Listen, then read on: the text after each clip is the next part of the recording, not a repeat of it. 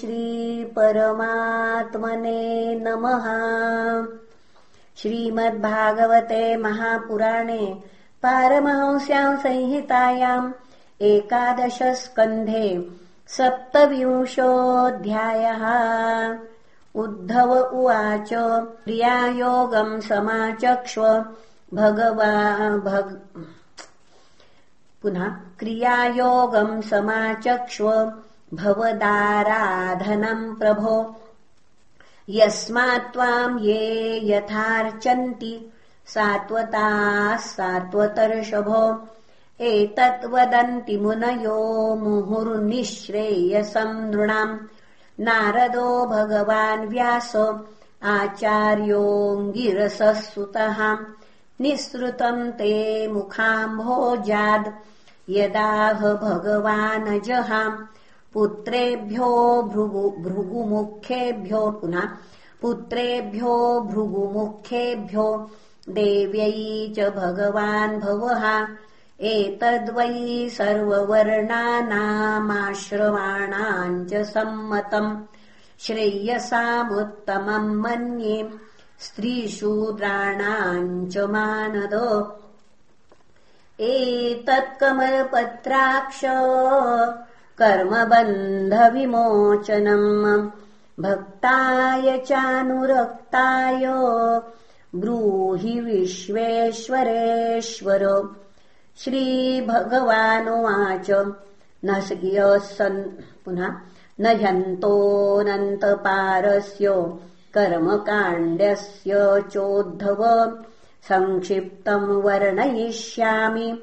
यथा वदनु पूर्वशः वैदिकस्तान्त्रिको मिश्र इति मे त्रिविधो मखः त्रयाणामीप्सितेनैव विधिना माम् समर्चयेत यदा स्वनिगमेनोक्तम् द्विजत्वम् प्राप्य पूरुषः। यथा यजेत माम् भक्त्या श्रद्धया तन्निबोध मे अर्चायाम् स्थण्डिलेऽग्नौ वा सूर्ये वाप्सुहृदि द्विजे द्रव्येण भक्तियुक्तोर्चेत् स्वगुरुम् माममाययाम् पूर्व पुनः पूर्वम् स्नानम् प्रकुर्वीत धौतदन्तोऽङ्गशुद्धये उभयैरपि च स्नानम् मन्त्रैर्मृदग्रहणादिना सन्ध्योपास्त्यादिककर्माणि वेदेनाचोदितानि मे। पूजान्तैकल्पयेत् सम्यक् सङ्कल्पः कर्म पावनीम्। शैली दारुमयी लोहि लेप्या लेख्या च सैकती। मनोमयी मणिमयी प्रतिमाष्टविधा स्मृता। चलाचलेति द्विविधा प्रतिष्ठा जीवमन्दिरम् उद्वासावाहनेनस्तः स्थिरायामुद्धवार्चने। अस्थिरायाम् विकल्पः स्यात्। स्थण्डिले तु भवेद्वयम्।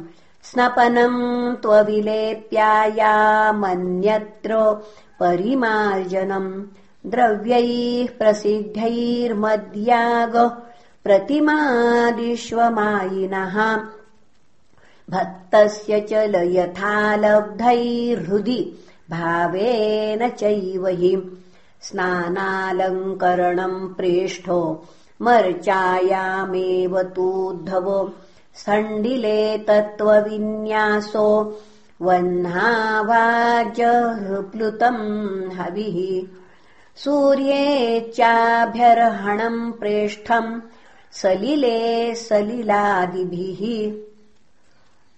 श्रद्धयोपाहृतम् प्रेष्ठम् भक्तेन मम वार्यपि भूर्यप्यभक्तोपहृतम् न मे तोषाय कल्पते गन्धो धूपः सुमनसो दीपोन्नाद्यम् च किम् पुनः।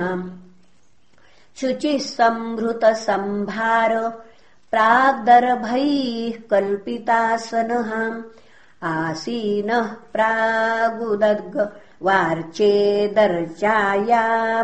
सम्मुखहम् कृतन्यासः कृतन्यासाम् मदर्चाम् पाणिनाम् मृजेत् कलशम् प्रोक्षणीयम् च यथावदुपसाधयेतुम् तदद्भिर्देवयजनम् द्रव्याण्यात्मान एव च प्रोक्षपात्राणि त्रिण्यद्भिस्तैस्तैद्रव्यैश्च साधयेत्। पाद्यार्घ्याचमनीयार्थम् त्रीणि पात्राणि दैशिकः हृदा शीर्ष्ण्याथ शिखयाम् गायत्र्या चाभिमन्त्रयेत्। पिण्डे वायव्यग्निसंशुद्धे हृत्पद्मस्थाम् पराम् मम। अण्वीम् जीवकलाम् ध्यायेन्नादान्ते सिद्धभाविताम्। तयात्मभूतया पिण्डे व्याप्ते सम्पूज्य तन्मयः। आवाह्यार्चादिषु स्थाप्यम् न्यस्ताङ्गम् माम् प्रपूजयेत् पाद्योपस्पर्शार्हणादीन्नुपचारान् प्रकल्पयेत्। धर्मादिभिश्च नवभिः कल्पयित्वासनम् मम। पद्ममष्टदलम् तत्र कर्णिकाकेसरोज्ज्वलम्। उभाभ्याम् वेदतन्त्राभ्याम् मह्यम् तूभयसिद्धये सुदर्शनम् पाञ्चजन्यम् गदासीषुधनुर्हलान् मुसलम् कौस्तुभम् मालाम् श्रीवत्सम् चानुपूजयेत नन्दम् सुनन्दम् गरुडम् प्रचण्डम् चण्डमेव च महाबलम् बलम् चैव कुमुदम् कुमुदे क्षणम् दुर्गाम् विनायकम् व्यासम् विश्वक्सेनम् गुरुन् सुरान् स्वे स्वे स्थाने त्वभिमुखान् पूजयेत् प्रोक्षणादिभिः चन्दनो शीरकर्पूर कुङ्कुमा गुरुवासितैः सलिलैः स्नापयेन्मन्त्रैर्नित्यदा विभवे सति स्वर्णघर्मानुवाकेन महापुरुषविद्ययाम् पौरुषेणापि सूक्तेन सामभीराजनादिभिः वस्त्रोपवीताभरण पत्रस्रग्गन्धलेपनैः अलङ्कुर्वीत सप्रेम मद्भक्तो माम् यथोचितम् पाद्यमाचमनीयम् च गन्धम् सुमनसोक्षतान् धूपदीपोपहार्याणि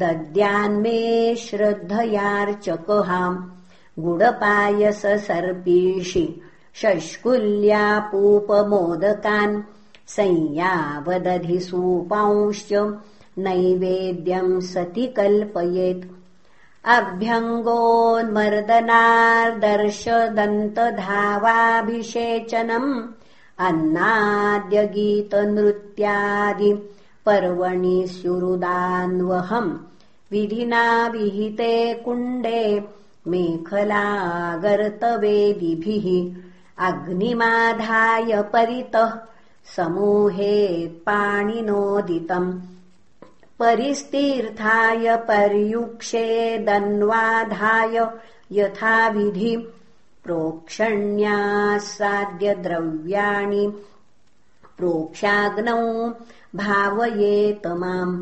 तप्तजाम्बुनदप्रख्यम् शङ्खचक्रगदाम्बुजैः लसच्चतुर्भुजम् शान्तम् पद्मकिञ्चलकवाससम् स्फुरत्किरीटकटक कटिसूत्रवराङ्गदम् श्रीवत्सवक्षसम्भ्राजत्कौस्तुभम् वनमालिनम् ध्यायन्नभ्यर्च दारूणि हविषाभिर्घृतानि च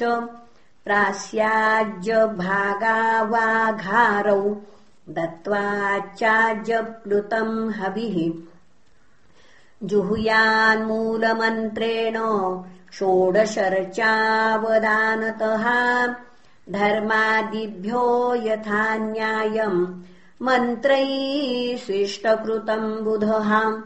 अभ्यर्च्याथ नमस्कृत्य पार्षदेभ्यो बलिम् हरेत।